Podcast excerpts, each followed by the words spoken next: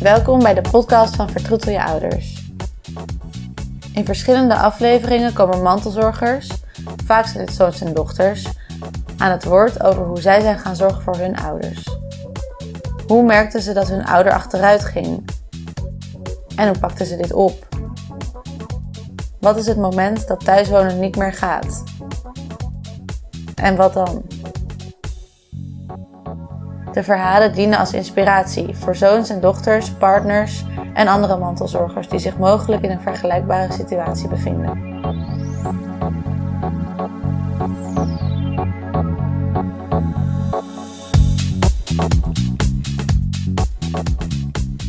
Ik ben uh, Minka. Overmorgen word ik 59 jaar.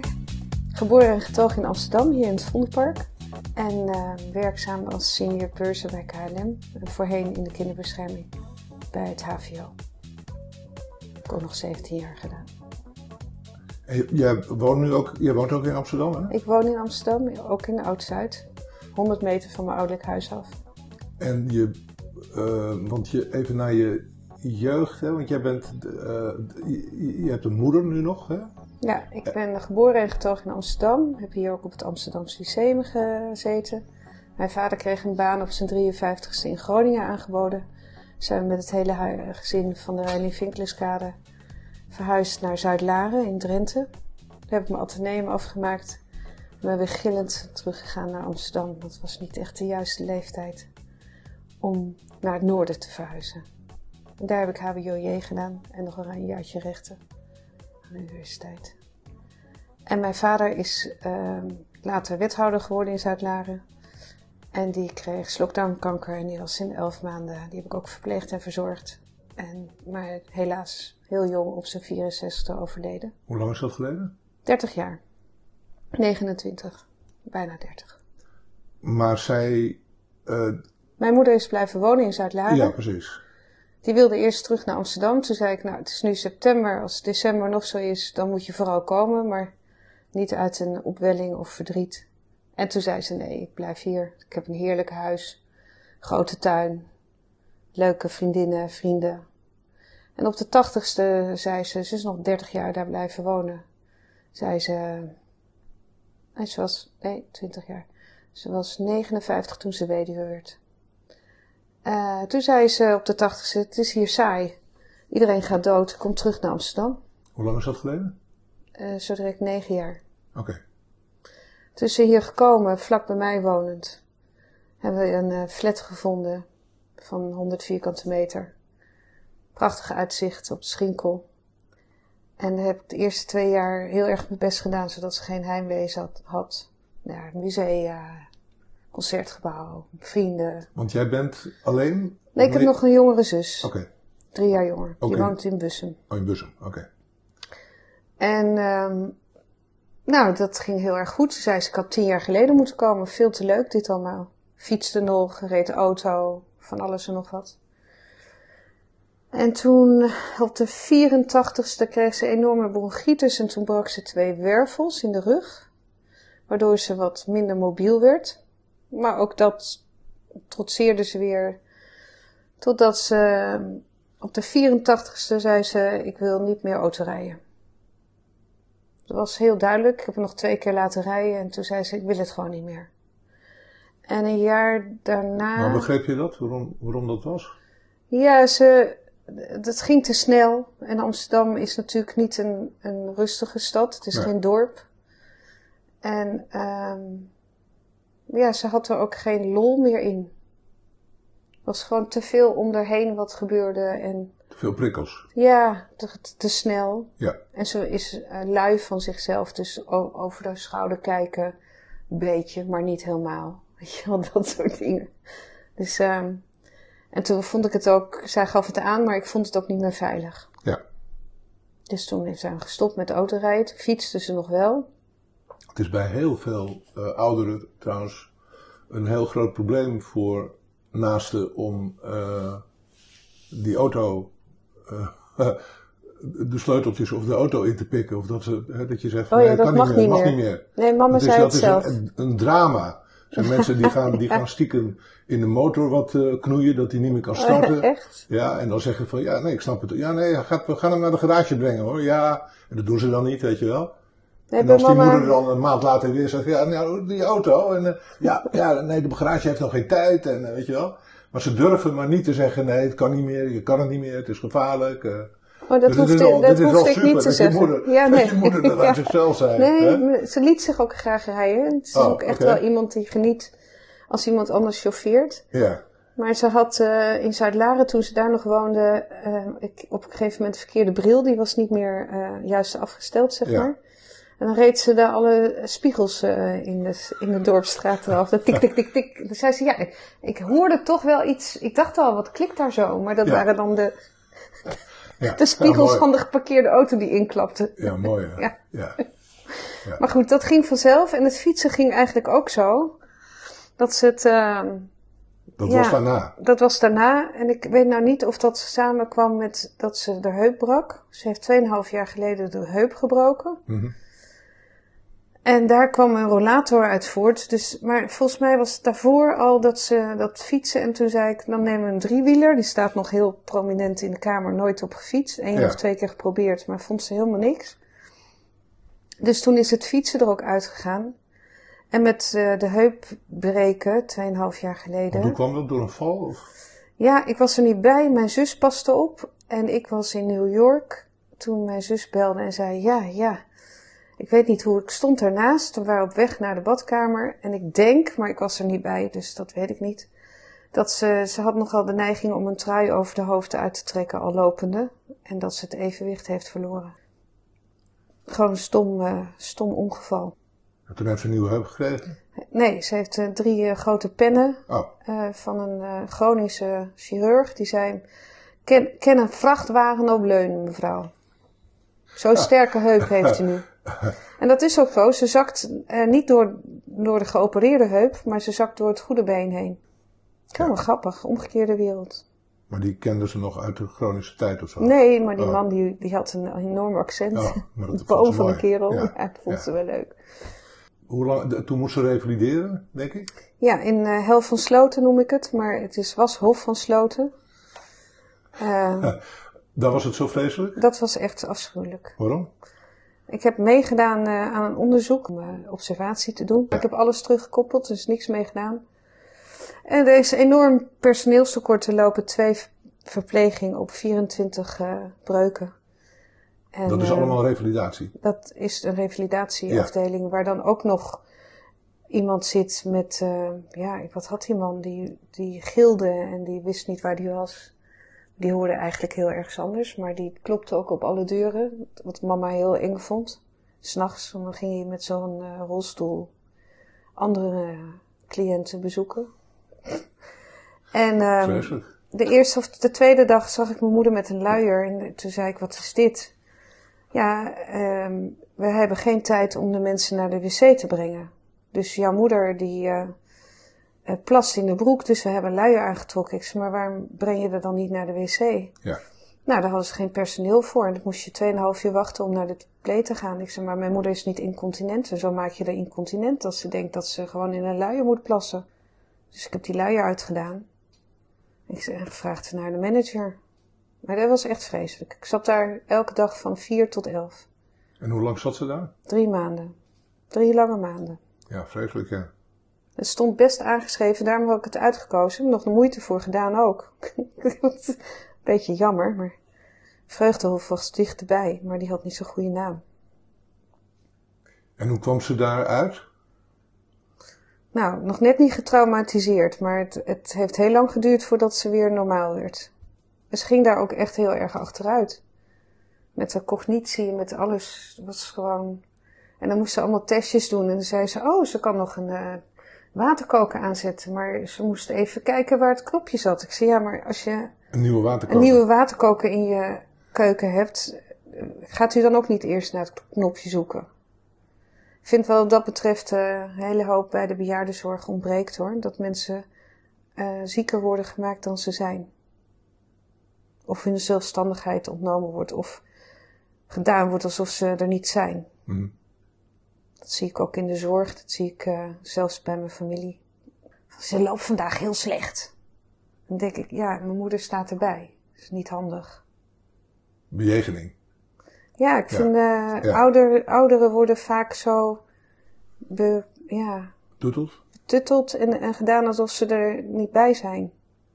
Ik vind dat heel uh, niet respectvol. En suggestieve opmerkingen, dat zie ik heel veel in de zorg. Je gaat niet vallen hoor, Ellie. Nou, dan denkt mijn moeder dat, dat ze gaat vallen. Als dat zes keer per dag wordt gezegd, Ja, ja. dan wordt mijn moeder bang om te, te lopen. Maar is het, is het domheid of is het opleidingsniveau of is het, is het uh, waar komt het vandaan denk je? Ik denk goed bedoelde domheid. En het opleidingsniveau, nou, dat, dan doe ik ze tekort, want het zijn wel heel erg uh, betrokken mensen. Maar um, ik Niet denk dat er getraind wel niet, ze worden niet, aangestuurd of wordt niet er geëvalueerd, er er wordt niet niet op. Nee. Dus ik geef het allemaal aan en dat moet dan met het aanspreekpunt moeten ze dat dan bespreken. En soms doet ze het wel, soms niet. Dat vallen heb ik er nu uit. Dus ik heb gezegd, het woordje vallen kunnen we niet meer gebruiken. Je moet het omdraaien, positief. Je kunt het, Ellie. Ga zo door, Ja, ja. Ellie. Dat doen ze nu allemaal. Het werkt ook. Of je hebt vandaag een hele goede dag, Ellie. Wat loop je goed? Positief benaderen. Ja, er zijn ook mensen die, uh, die hebben een soort handleidingje gemaakt. Hè? Dus een soort, um, soort, nou ja, dus net als dat je zegt van geen, geen wit brood of niet dat of niet. Dat is Ja. allemaal heel moeilijk. Maar dat je- dat je ook in de bejegening dus zegt van een heel, een heel schema van do's en don'ts. Hè? Ja, dat geef ik wel aan en dat staat ook in het zorgplan. Maar de helft van de nieuwe mensen leest überhaupt niet eens een zorgplan. Dus je moet overal bovenop zitten met medicatie. Ik had nu weer vorige week een nieuwe. En ik was er nog niet. Mijn zus was er en die wist niet precies hoe de medicatie was. Maar ehm was wel zo slim om te zeggen: Goh, we kijken even naar de rapportage. Dat kan je dan op de Kern-app. Heb je zo'n app van je moeder, zorg-app. En toen had ze de rapportage laten lezen aan die mevrouw van kijk, ze krijgt s'avonds dat pilletje naast de bed en dan wordt het ochtends ingenomen. Maar die vrouw die wilde er niet van weten. Ze zei, er staat op de aftekenlijst 2200, dus zij moet het nu innemen. Er komt dan een heel verhaal weer achter. Dan ben je drie dagen bezig om dat dan weer uit te zoeken met de apotheek en met de zorg. En dat die mevrouw geïnformeerd wordt, dan krijg je dan geen antwoord op. Want hoe heb jij het nu georganiseerd? Want jij, jij, Ik heb, jij eh, vliegt, dus jij bent een aantal Ja. dagen per, maand of per week weer weg. Hè? Je, hebt een, je hebt een zus, ja, mijn je zus. hebt thuiszorg, je hebt eh, iemand van ons. Ja, ik heb Jostien en die heb ik mee in de klas gezeten, dus ik ben heel bevoorrecht. Dus het is niet alleen iemand die we eh, in dienst hebben, maar wij kennen haar ook van vroeger. Dus dat is een, een, een cadeautje. Ja. En dan heb ik mijn zus, die kookt eh, als in principe op zondagavond. En ehm, dan Die, heb komt- die komt dan koken. ja, die, nee, die komt mijn moeder halen en die neemt haar mee naar Bussum. Oké. En dan eh, eet ze samen met mijn moeder en haar man. En soms zijn de meisjes, ze heeft twee dochters, als die er zijn, eh, die wonen niet meer thuis. Die zijn, Oké. eh, Want je moeder kan niet meer alleen blijven. nou, mijn moeder kan niet meer koken. Ze Nee. kan wel alleen blijven, maar ze kan niet meer eh, de, de vaat doen en met de rollator een bord wegbrengen. En, lukt misschien nog wel. Maar het is, het is A, niet gezellig. En B, misschien ook niet handig. En niet veilig misschien. Ja, ik heb het nooit uitgeprobeerd, maar nee. Oké. Maar ze is dus nooit meer alleen. Nee, Ook s'nachts niet. s'nachts ze alleen. Oké. Ja. En dat gaat goed. Ja. Maar dan, wanneer, dan gaat er s'avonds iemand. Komt er nog iemand? Nou, er komt dus, de zorg komt 's ochtends haar eh, douchen. Tenzij ze wankel is. En ook daar moet je dan weer achterheen, want het is ook een soort gemak. En dat is niet onaardig bedoeld. Maar als mijn moeder langzaam is en ze worden op minuten ingedeeld. En die mensen die krijgen natuurlijk niet voldoende minuten om mijn moeder te verzorgen. Als dat niet snel genoeg gaat, dan wordt er overgegaan naar plan B. Dus dat is wassen. Ja. Dit is, wat dit is ADL heet dat, hè? Dat is thuiszorg. Ja, Dus thuiszorg. komen ochtends en Die komen 's ochtends en dan 's middags komen ze een boterham eh, brengen. En er even mee begeleiden naar het toilet. En dan s'avonds uh, komen ze er in bed leggen. En daar ben ik dan bij. En dan nadat zij vertrokken zijn, lees ik nog even voor uit een oud jeugdboek. Hm. Dus Joop ter Heul, of we zijn nu met Afkes tiental bezig. En dan doen we nog een plasje op de po. En dan gaat ze slapen met een luier aan. Maar dat is als jij er bent, hè? Ja. En als je er niet bent? Dan komt er zorg ook. Alleen is er dan niet de Minka die nog voorleest en nog een plasje doet. Dus dan doet ze de plas in de luier. Want ze kan wel uit bed, maar heel moeilijk in bed. Maar zelfs dat kan, maar ik weet niet hoe ze dat doet. Daar ben ik nooit bij geweest, alleen. Je kunt ook camera's ophangen, hè? Ja, dat zei laatst ook iemand. Dus misschien, maar ik denk dan, ik ben zoveel bij mama en als ik een camera zou hebben, dan zou ik misschien gewoon de hele dag willen kijken of het er goed met haar gaat. Ja, ja, ja. Dat is ook een beetje bescherming van mezelf. Ja, maar je hebt ook camera's die alleen maar aanspringen als er beweging is, hè? Ja, dat is een idee. Dat zei de buurman ook al. En er zijn zelfs mogelijkheden dat je met haar gaat praten, hè? op afstand. Ja. Dus dat je zegt, uh, nee mama niet doen, of zo, terwijl je in New York zit. Ja. Met zes uur tijdsverschil. Ja. Heel grappig. Oh ja, nee, ja. dat is een probleem, ja. Ja. ja. dat is wel een probleem. Je moet natuurlijk de Nederlandse tijd aan aanhouden, maar dat is... Uh, je nee, moet, maar dat... Je, moet, je hebt ook nachtrust nodig. Als er calamiteiten zijn... En ik was eergisteren in Curaçao. En dan belt ze om half één. Niemand vertelt mij waar, waar je bent. Waar ben jij? Ik zeg, nou, in Curaçao, mama. En ik zeg, waar ben jij? Ja, op de stoel. In, ik zeg, in de zitkamer. Ja, in de zitkamer. Ik wat doe je daar dan? Ja, jou bellen. dat is dan wel weer goed. Ja, mooi. Ja. Maar dan, uh, nou ja, dan is het dus natuurlijk een heel probleem om mama weer in bed te krijgen. Ja. Hebben dingen nog met corona te maken nu? Dat het anders is dan anders?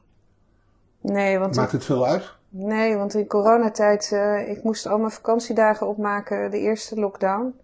Dus ben ik 2,5 maand fulltime bij mama geweest.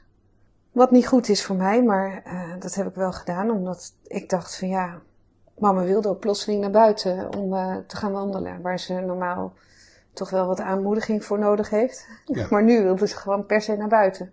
Omdat ja. het niet mocht. Ja, ja, oh zo. Ja, dat deed haar denken aan de spertijd van de oorlog. Zij, uh, dat deed ik ook met Bas, haar buurjongetje. Na spertijd gingen ze dan naar buiten. Oh, omdat het niet mocht. Ja, nee, precies. ja, grappig, ja. Ja, dus dat deed ze nu ook. Dus dat, dat ging eigenlijk heel goed. De sportschool ging natuurlijk wel dicht, maar Ja. lopen ging een stuk beter. Ja. Elk nadeel heeft zijn voordeel, zeggen we hier in Amsterdam.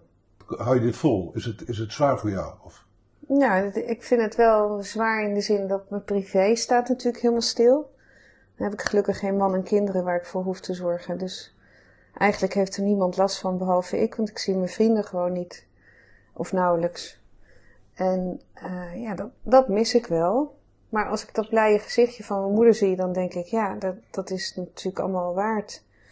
En wat ik plan de campagne, ik hoop dat ik er thuis kan houden. ehm, en dat ze in haar eigen omgeving eh, kan blijven totdat ze er niet meer is. Maar als dat niet gaat, ja, dan zal ik het toch moeten aanmelden voor zo'n verschrikkelijk tehuis. Tenminste, want er, er zijn geen bejaardentehuizen meer, het zijn verpleeghuizen. En de leuke huizen zijn enorme wachtlijsten voor. Dat heb je al uitgezocht. Dat heb ik wel gedeels uitgezocht. En En wat is dan het moment dat het niet meer gaat? als het niet meer veilig is. S'nachts. S'nachts, overdag. Ik bedoel, Maar hoe bedoel je, wanneer is het niet meer, wanneer is het niet meer veilig? Nou, als ze veelvuldig gaat vallen. Ze is, ze is laatst gevallen ehm, en dan drukt ze niet op de knop. Zolang mijn moeder aangeeft dat ze hier wil blijven, want ze is niet, ehm, hoe noem je dat zeggen? Ze is wel vergeetachtig en, en weet soms niet waar ze is of wat dan ook. Maar ze is niet koekoek, dus ze weet wel degelijk eh, waar ze is en waar ze wil zijn. Ehm, maar ze heeft wel s s'avonds momenten dat ze zich ergens anders waant. En meestal bij degene die voor haar kookt. Dus vaak is ze in mijn huis en dan zeg ik nee, kijk naar de kast enzovoort. Nou, dat vind ik niet onveilig. Maar is ze dan blij of is ze, hoe, hoe, wat is, als ze dat zegt hè? Hoe, hoe is haar stemming dan als ze dat zegt?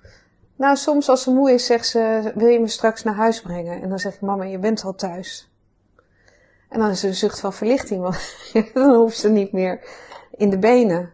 En dan zeg ik dus: Ja, van wie is die boekenkast? Ja, van mij. En eh, die televisie? Ja, ook van mij. Oké. En, eh, nou, en dan, dan komt ze weer terug in haar huis. Er zijn ook mensen die, als ze dat zeggen, dat ze bedoelen bij hun ouders thuis, hè?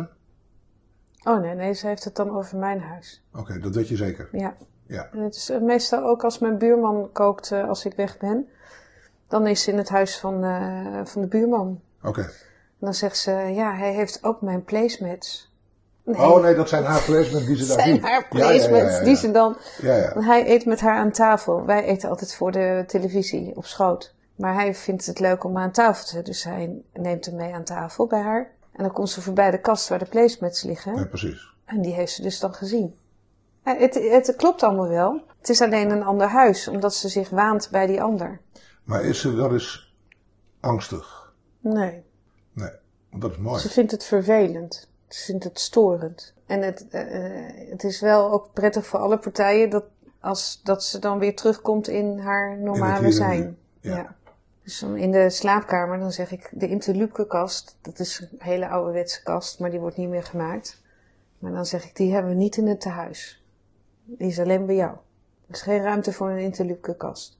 Of de beer zit op de hoek van de verwarming, of het konijn. Waar ben je gaan kijken voor als het niet meer gaat? Waar, Ik heb, je, heb- ge- waar ik- heb je gekeken? Ik heb gebeld, ik heb nog niet gekeken. Ik heb eh, gebeld bij eh Huizen Buitenveldert, geloof ik, dat het heet. Maar je moet eerst naar de WLZ en ze zit bij het WMO. Dus eh, Ja. ik moet er eerst naar het WLZ Ze moeten brengen. indicatie krijgen voor de Ja. WLZ. Ja. En daar zit een eigen bijdrage in. En ik heb altijd gewild dat ze niet voor financiën eh, gedwongen uit huis zou moeten. Dus ik heb dat uitgesteld. want Anders had ik dan wel bij de WLZ aangemeld. En dan had ik er ergens op een wachtlijst gezet. Maar dat kan alleen als je eh, een eigen bijdrage doet. En de huur waar mama woont is heel erg hoog. Dus haar pensioen gaat grotendeels op aan merendeel, twee derde. Aan de huur. En als ik het kapitaal of het restgeld wat ze nog heeft opmaak voordat zij eh, moet verhuizen, dan kan ik de huur niet meer ophoesten. Dus daar wil ik niet tegenaan lopen. Dat ze dan moet gewoon verhuizen omdat ze geen geld meer heeft. Dus het is een soort balanceren op een draadje. Nee, Plus dat, dat wat, wat er me te wachten staat is niks veel goeds, want de zorg blijft er. Ja. Kijk, als ik mijn moeder opberg, zo zie ik dat een beetje in een eh, verpleeghuis, en de zorg aan anderen overlaat, dat zijn vaak gewoon mensen die onderbezet zijn, en wel goede inborst hebben, maar niet de tools krijgen om bejaarden goed te verzorgen. En dat kleinschaligheid zit niet in de stad, zit allemaal buiten de stad. Dat betekent dat ik dan niet meer elke dag naar de toe kan. Nou, je hebt, ook, je hebt hier ook kleinschalig wel hoor. Steeds meer. Nou ja, Er is een aantal plekken waar, nog- waar het kleinschalig is. dat hoor ik graag van je. Er zijn natuurlijk wachtlijsten. Dus Ja, de- dat, de, Dat is overal. dat is het probleem. Dat de, de, de, de beste plekken, nou ja, beste tussen aanhalingstekens, omdat het ook persoonlijk is. Hè? Dus wat de ene fantastisch vindt, Ja, dat vindt de andere de maar zoals wat zij nu aan aandacht heeft thuis, dat krijgt ze nooit in het tehuis. Nee, dat denk ik ook niet. Ik heb twee keer in de week de fysio aan huis. Die doet dan loop- en sta- en zitoefeningen met haar. Ik had eh één keer in de week eh, sport aan huis, maar die hebben gezegd, nou, we, wachten, we vinden het nu toch wel lastig worden aan huis, omdat het huis natuurlijk niet de mogelijkheid biedt tot oefeningen en een bepaalde veilige omgeving om oefeningen te doen. Ja. En ze hebben er ook niet echt opgeleid personeel voor, de expertise. Ze hebben vorige week gebeld gezegd van joh, we wachten echt liever tot de sportschool weer open mag. En dan eh, is ze hartstikke welkom. Gaan we kijken hoe we dat verder inkleden. Maar je ziet wel hoe snel iemand die niet beweegt, hoe die ook cognitief achteruit gaat. Ja. Het is zo belangrijk. Nou, en eh, jouw eh, medewerkster die, die wandelt ook met haar, dat is fantastisch. En dat doe ik zelf ook. Al is het maar een blokje. Dan zeg ik, ben je toch even buiten geweest? Even de indrukken om je heen. En dat geldt ook voor sportactiviteiten. Het is niet alleen sporten, maar gewoon ook het groeten van mensen, het praten met mensen. En dat vind ik echt in deze, deze rijke staat van het land waar wij wonen zo weinig gedaan wordt met ouderen. En dat, dat is jammer. Bewegen is leven. Er zou veel meer voor moeten zijn dan wat we hebben nu. Ja, hopelijk eh, hoeft het niet. Hè? Dus hopelijk, eh, Nee, ho- hopelijk, hoeft het niet. Hou je het vol. Ja, Hè? Houdt zij het vol. ja. Ja, dat, ik hoop je dat, je moet de oude bomen ook, eigenlijk niet verplaatsen, hè? zeggen ze. Nee, nee, nee. Nou ja, ik vind het ook knap dat ze op de tachtigste, toch waar ze vrij lang gewoond heeft, hè, 30 jaar of zoiets. Ja. Dat ze dan zo weer de stap naar Amsterdam kan maken. Ja. Want de 80 is ook niet echt eh, jong. Nee. En dat ze dat zelf kiest, Ja. Dat vind ik ook wel uitzonderlijk hoor. Ja, het is een, een taaie rakker. het, is, Ja. een, het is een boefje ook. Ja. Ja, het is echt een boefje. Ja, ik heb haar toen met die kennismaking ontmoet. Ik vond het ook meteen heel origineel. Ook. Eh, Je ziet ook dat ze humor heeft. Ja, ze heeft enorme humor Ja. en, en ze, is, ze is niet zo'n flap uit als ik. Dus zij observeert meer en luistert meer, maar ze kan met één zinnetje, kan ze werkelijk alles gewoon eh, zeggen wat, je, wat een normaal mens eh, wel vijf bijzinnen bij gebruikt. Ik had laatst een discussie over piloten bij KLM dat was heel gedoe. En toen zei ze, nou, dan zou je toch ook niet piloot willen zijn? Wel? Gewoon één zo'n zinnetje. Gewoon volledig De, Ja, echt heel samenvatting, geestig. samenvatting waar iedereen Ze is ook een denkt keertje mee geweest met eh, zo'n event, een mevrouw, eh, naar Cordaan. Eh dan moest ze dan, eh, op de hoek eh, kon ze dan mee eten met eh, bejaarden. En ik zei, nou, ga dan kijken. Mijn mama is niet zo van die grote groepen. Nou, nu met corona is dat er natuurlijk niet, maar toen was het er wel. En dan komt ze thuis en dan zegt ze, nou, allemaal oude idioten. En onverzorgd en nou, niks aan. En zij was de oudste. Ja, mooi. Dus eh, ja, Je, je zegt wel steeds bejaarden trouwens, hè? Dat is, maar dat is een... dat doet zij. Oh, dat doet zij. Oké. Ze zijn Zij. allemaal oude bejaarden, zegt ze. Maar zij was de oudste. Oké, ja. Er zijn ook veel mensen die bij ons die, eh, dus dan is er een dagopvang hè, of een dagbesteding. Daar wil ze ook niet heen. Maar dat, nee, maar dat, dat veel van onze klanten willen daar niet heen. Nee. En die zeggen dan vaak van ik ga toch niet tussen al die oude mensen zitten. Ja, Terwijl ze zelf Ja. eh, dik in de tachtig zijn. Ja. misschien soms die, de, Ja. de oudste in die groep, weet je wel. Ja. Zo erg geestig, ja. ja toen zegt ze ook, eh zei ik vanmiddag aan, ik zei, wat ben je nou aan het doen? Aan het kwijlen. Ik zei, mama, kwijlen is voor oude mensen. Ja, zegt ze, dat ben ik ook. Ik zei, nee, dat ben jij niet. Zo maken we daar grapjes over. Maar ik geloof wel dat je uit een, een, een ouder iemand meer kan krijgen als je die positief benadert. En ik zie vaak dat wat, en ze zijn heel gevoelig, althans mama, en laat ik het op mama houden, gevoelig voor de stemming van de ander. Dus als die zorg bang is dat ze valt, dan voelt mama die angst. En dan wordt zij ook bang. Maar als die zorg zegt, nou Ellie, je kan het best. En er is helemaal niks aan de hand met je benen. Er kan een vrachtauto op leunen, zoals die eh, chirurg zei. Dan zie je ook dat de rug gaat dan weer wat rechter. Ja. De stapjes eh, gaan wel beter. En ja, het is gewoon een beetje op en af en op en af. Maar als je er niet zo'n drama van maakt en je eigen angsten loslaat, dan kom je veel verder. Maar ik denk dat dat ook voor jongere mensen net zo werkt. Voor iedereen. Ik bedoel, als je dodelijk ziek bent en je gaat iemand opzoeken en je zegt, god, ik kan wel zien dat je, je ziet er verschrikkelijk uit. Dat helpt toch ook niet? Nee, mensen, mensen, willen, eh, mensen willen twee dingen, eh, denk ik. Hè, dat, dat is erkenning en liefde. Ja, En het maakt niet uit, ook mensen die, die, die met Alzheimer of die gaan dementeren. Of, mensen willen altijd erkenning en liefde. En als je dus geen erkenning krijgt, nee, in tegendeel, iemand zegt dat je dat, dat, dat je dat niet meer kan, dat dat stom is, dat je Ja. dat vergeten bent, dat dat, eh, dat dat te laat is, dat dat, ja, dat is, daar word je natuurlijk heel, heel naar van. Hè? Ja, maar je wordt ook achterdochtig. Soms bespreekt de zorg dingen met mij en dan denk ik ook, als een mama het maar niet hoort of zo, dan zeg ik, niet doen. En ze bedoelen het allemaal goed, maar dan, waar hadden jullie het over? Ze voelt het gewoon. En dan denk ik, mijn moeder is er gewoon nog. Je kan gewoon met haar communiceren. Alleen, wat er ontbreekt is tijd. Mensen hebben geen tijd. Ja. Het is, Dus- ook, het is ook wel zo dat achterdocht toeneemt. Hè? Dus omdat, Ja, dat omdat, zit- omdat veel, veel dingen worden achter haar rug om Geregeld. besloten en geregeld. Dat Ja. weet ze. Dat Ja. weet ze. Ja, Dus ze is daar natuurlijk. En ja, mensen zijn de hele dag bezig te scannen. Is het veilig? Is Ja. het veilig? Hè? ja, Dat doen wij ook de hele, Ja. da- de hele dag door. ja, En dat doet zij ook. En zij eh, heeft natuurlijk een groter gevoel van onveiligheid.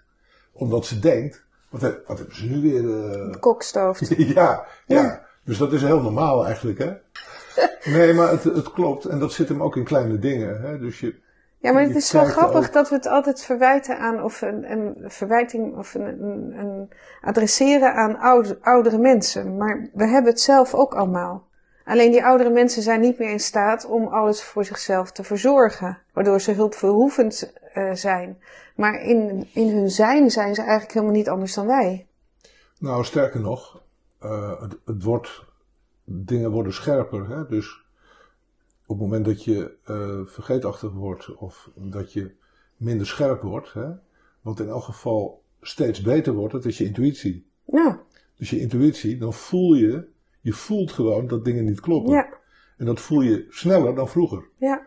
Want die, die intuïtie, daar is, ja, daar is, daar is niks mis mee. Hè? Nee, En je voelt het als iemand iets tegen je zegt, dat het niet echt is, dat het Ja. niet gemeend is. nee. Dus je, mensen vallen veel sneller door de mand.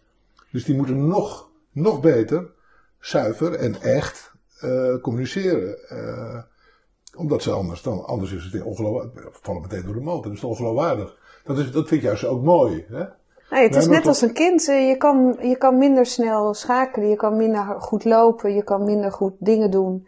Dus dat voelen wordt steeds beter. Het is Ja. net als een kind die niet kan praten, die voelt ook goed. En wij zijn een beetje vertroebeld nu. We kunnen alles. We kunnen en bewegen en praten. Ja, Hebben jullie wel eens eh, over euthanasie gedacht, of niet? nee. Is dat een taboe in, eh, in jullie familie? Of, of, eh, Nee, nou, mijn vader die wilde euthanasie. En toen hij ziek werd, heeft hij mijn moeder de tweede dag meteen laten tekenen dat dat mocht. en dat is ook gebeurd. Nou, dat is heel grappig gebeurd, want ehm, hij heeft die, dat ging vroeger nog in prikken, in drie prikken. Mhm. En bij de, tweede, de eerste prik ging hij slapen en de tweede prik werd hij euforisch.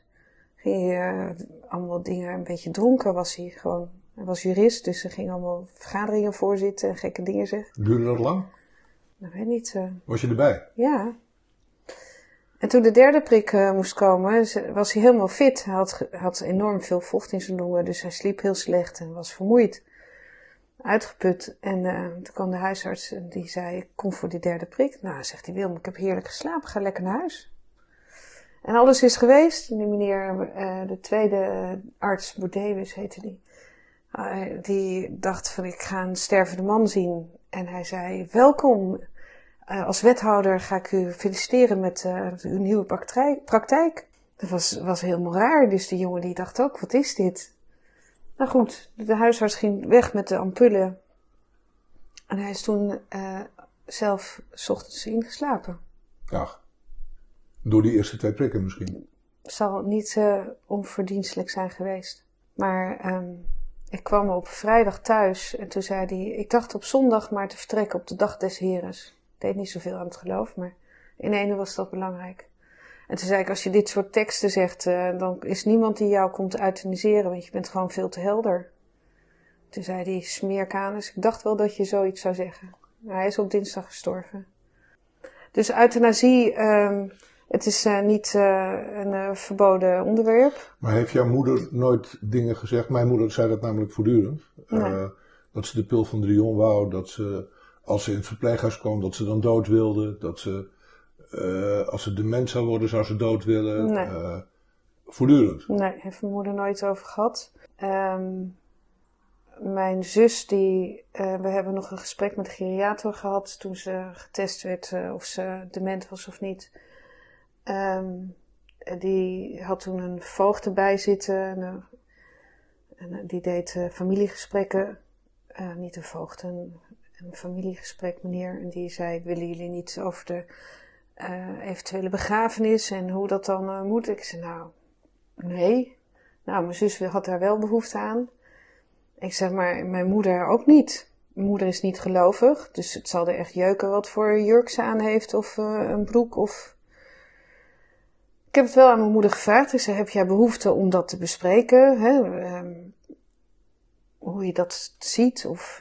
En toen zei ze nee. Ik zei, nou man, dan was dit het gesprek, want ik heb er ook geen behoefte aan. Dus ze vertrouwt dat jou toe, hè? of jou en je zus toe.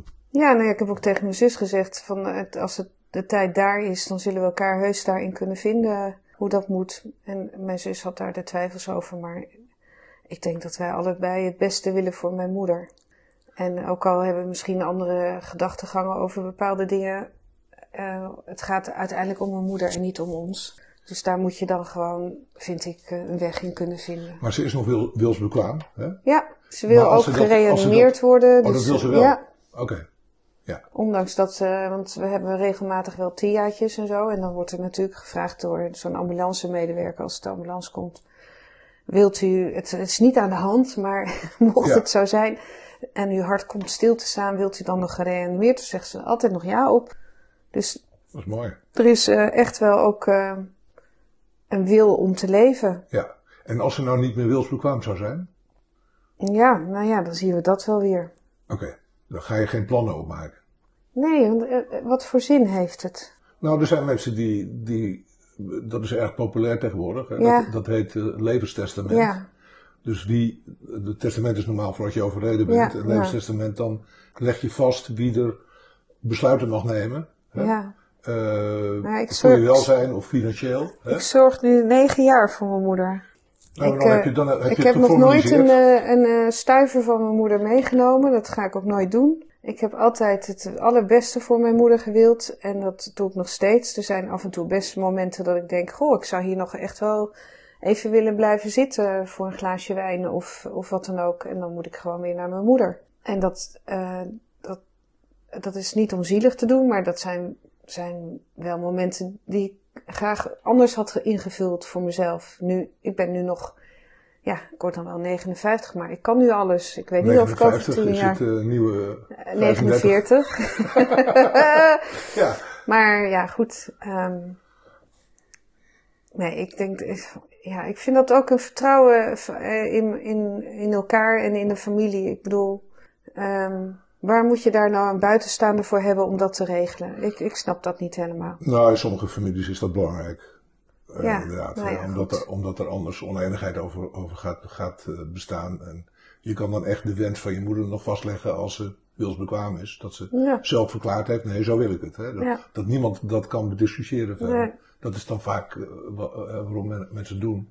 Ja, En dat zijn dan vaak wat grotere families waar, eh, ja, waar verschillend gedacht wordt. ja. Hè? Er is natuurlijk een grote dynamiek als mensen ouder worden, hoe de, hoe de Nou, in, ik vind in de zuidelijke landen doen ze het veel beter. Daar wordt gewoon zo iemand in huis genomen.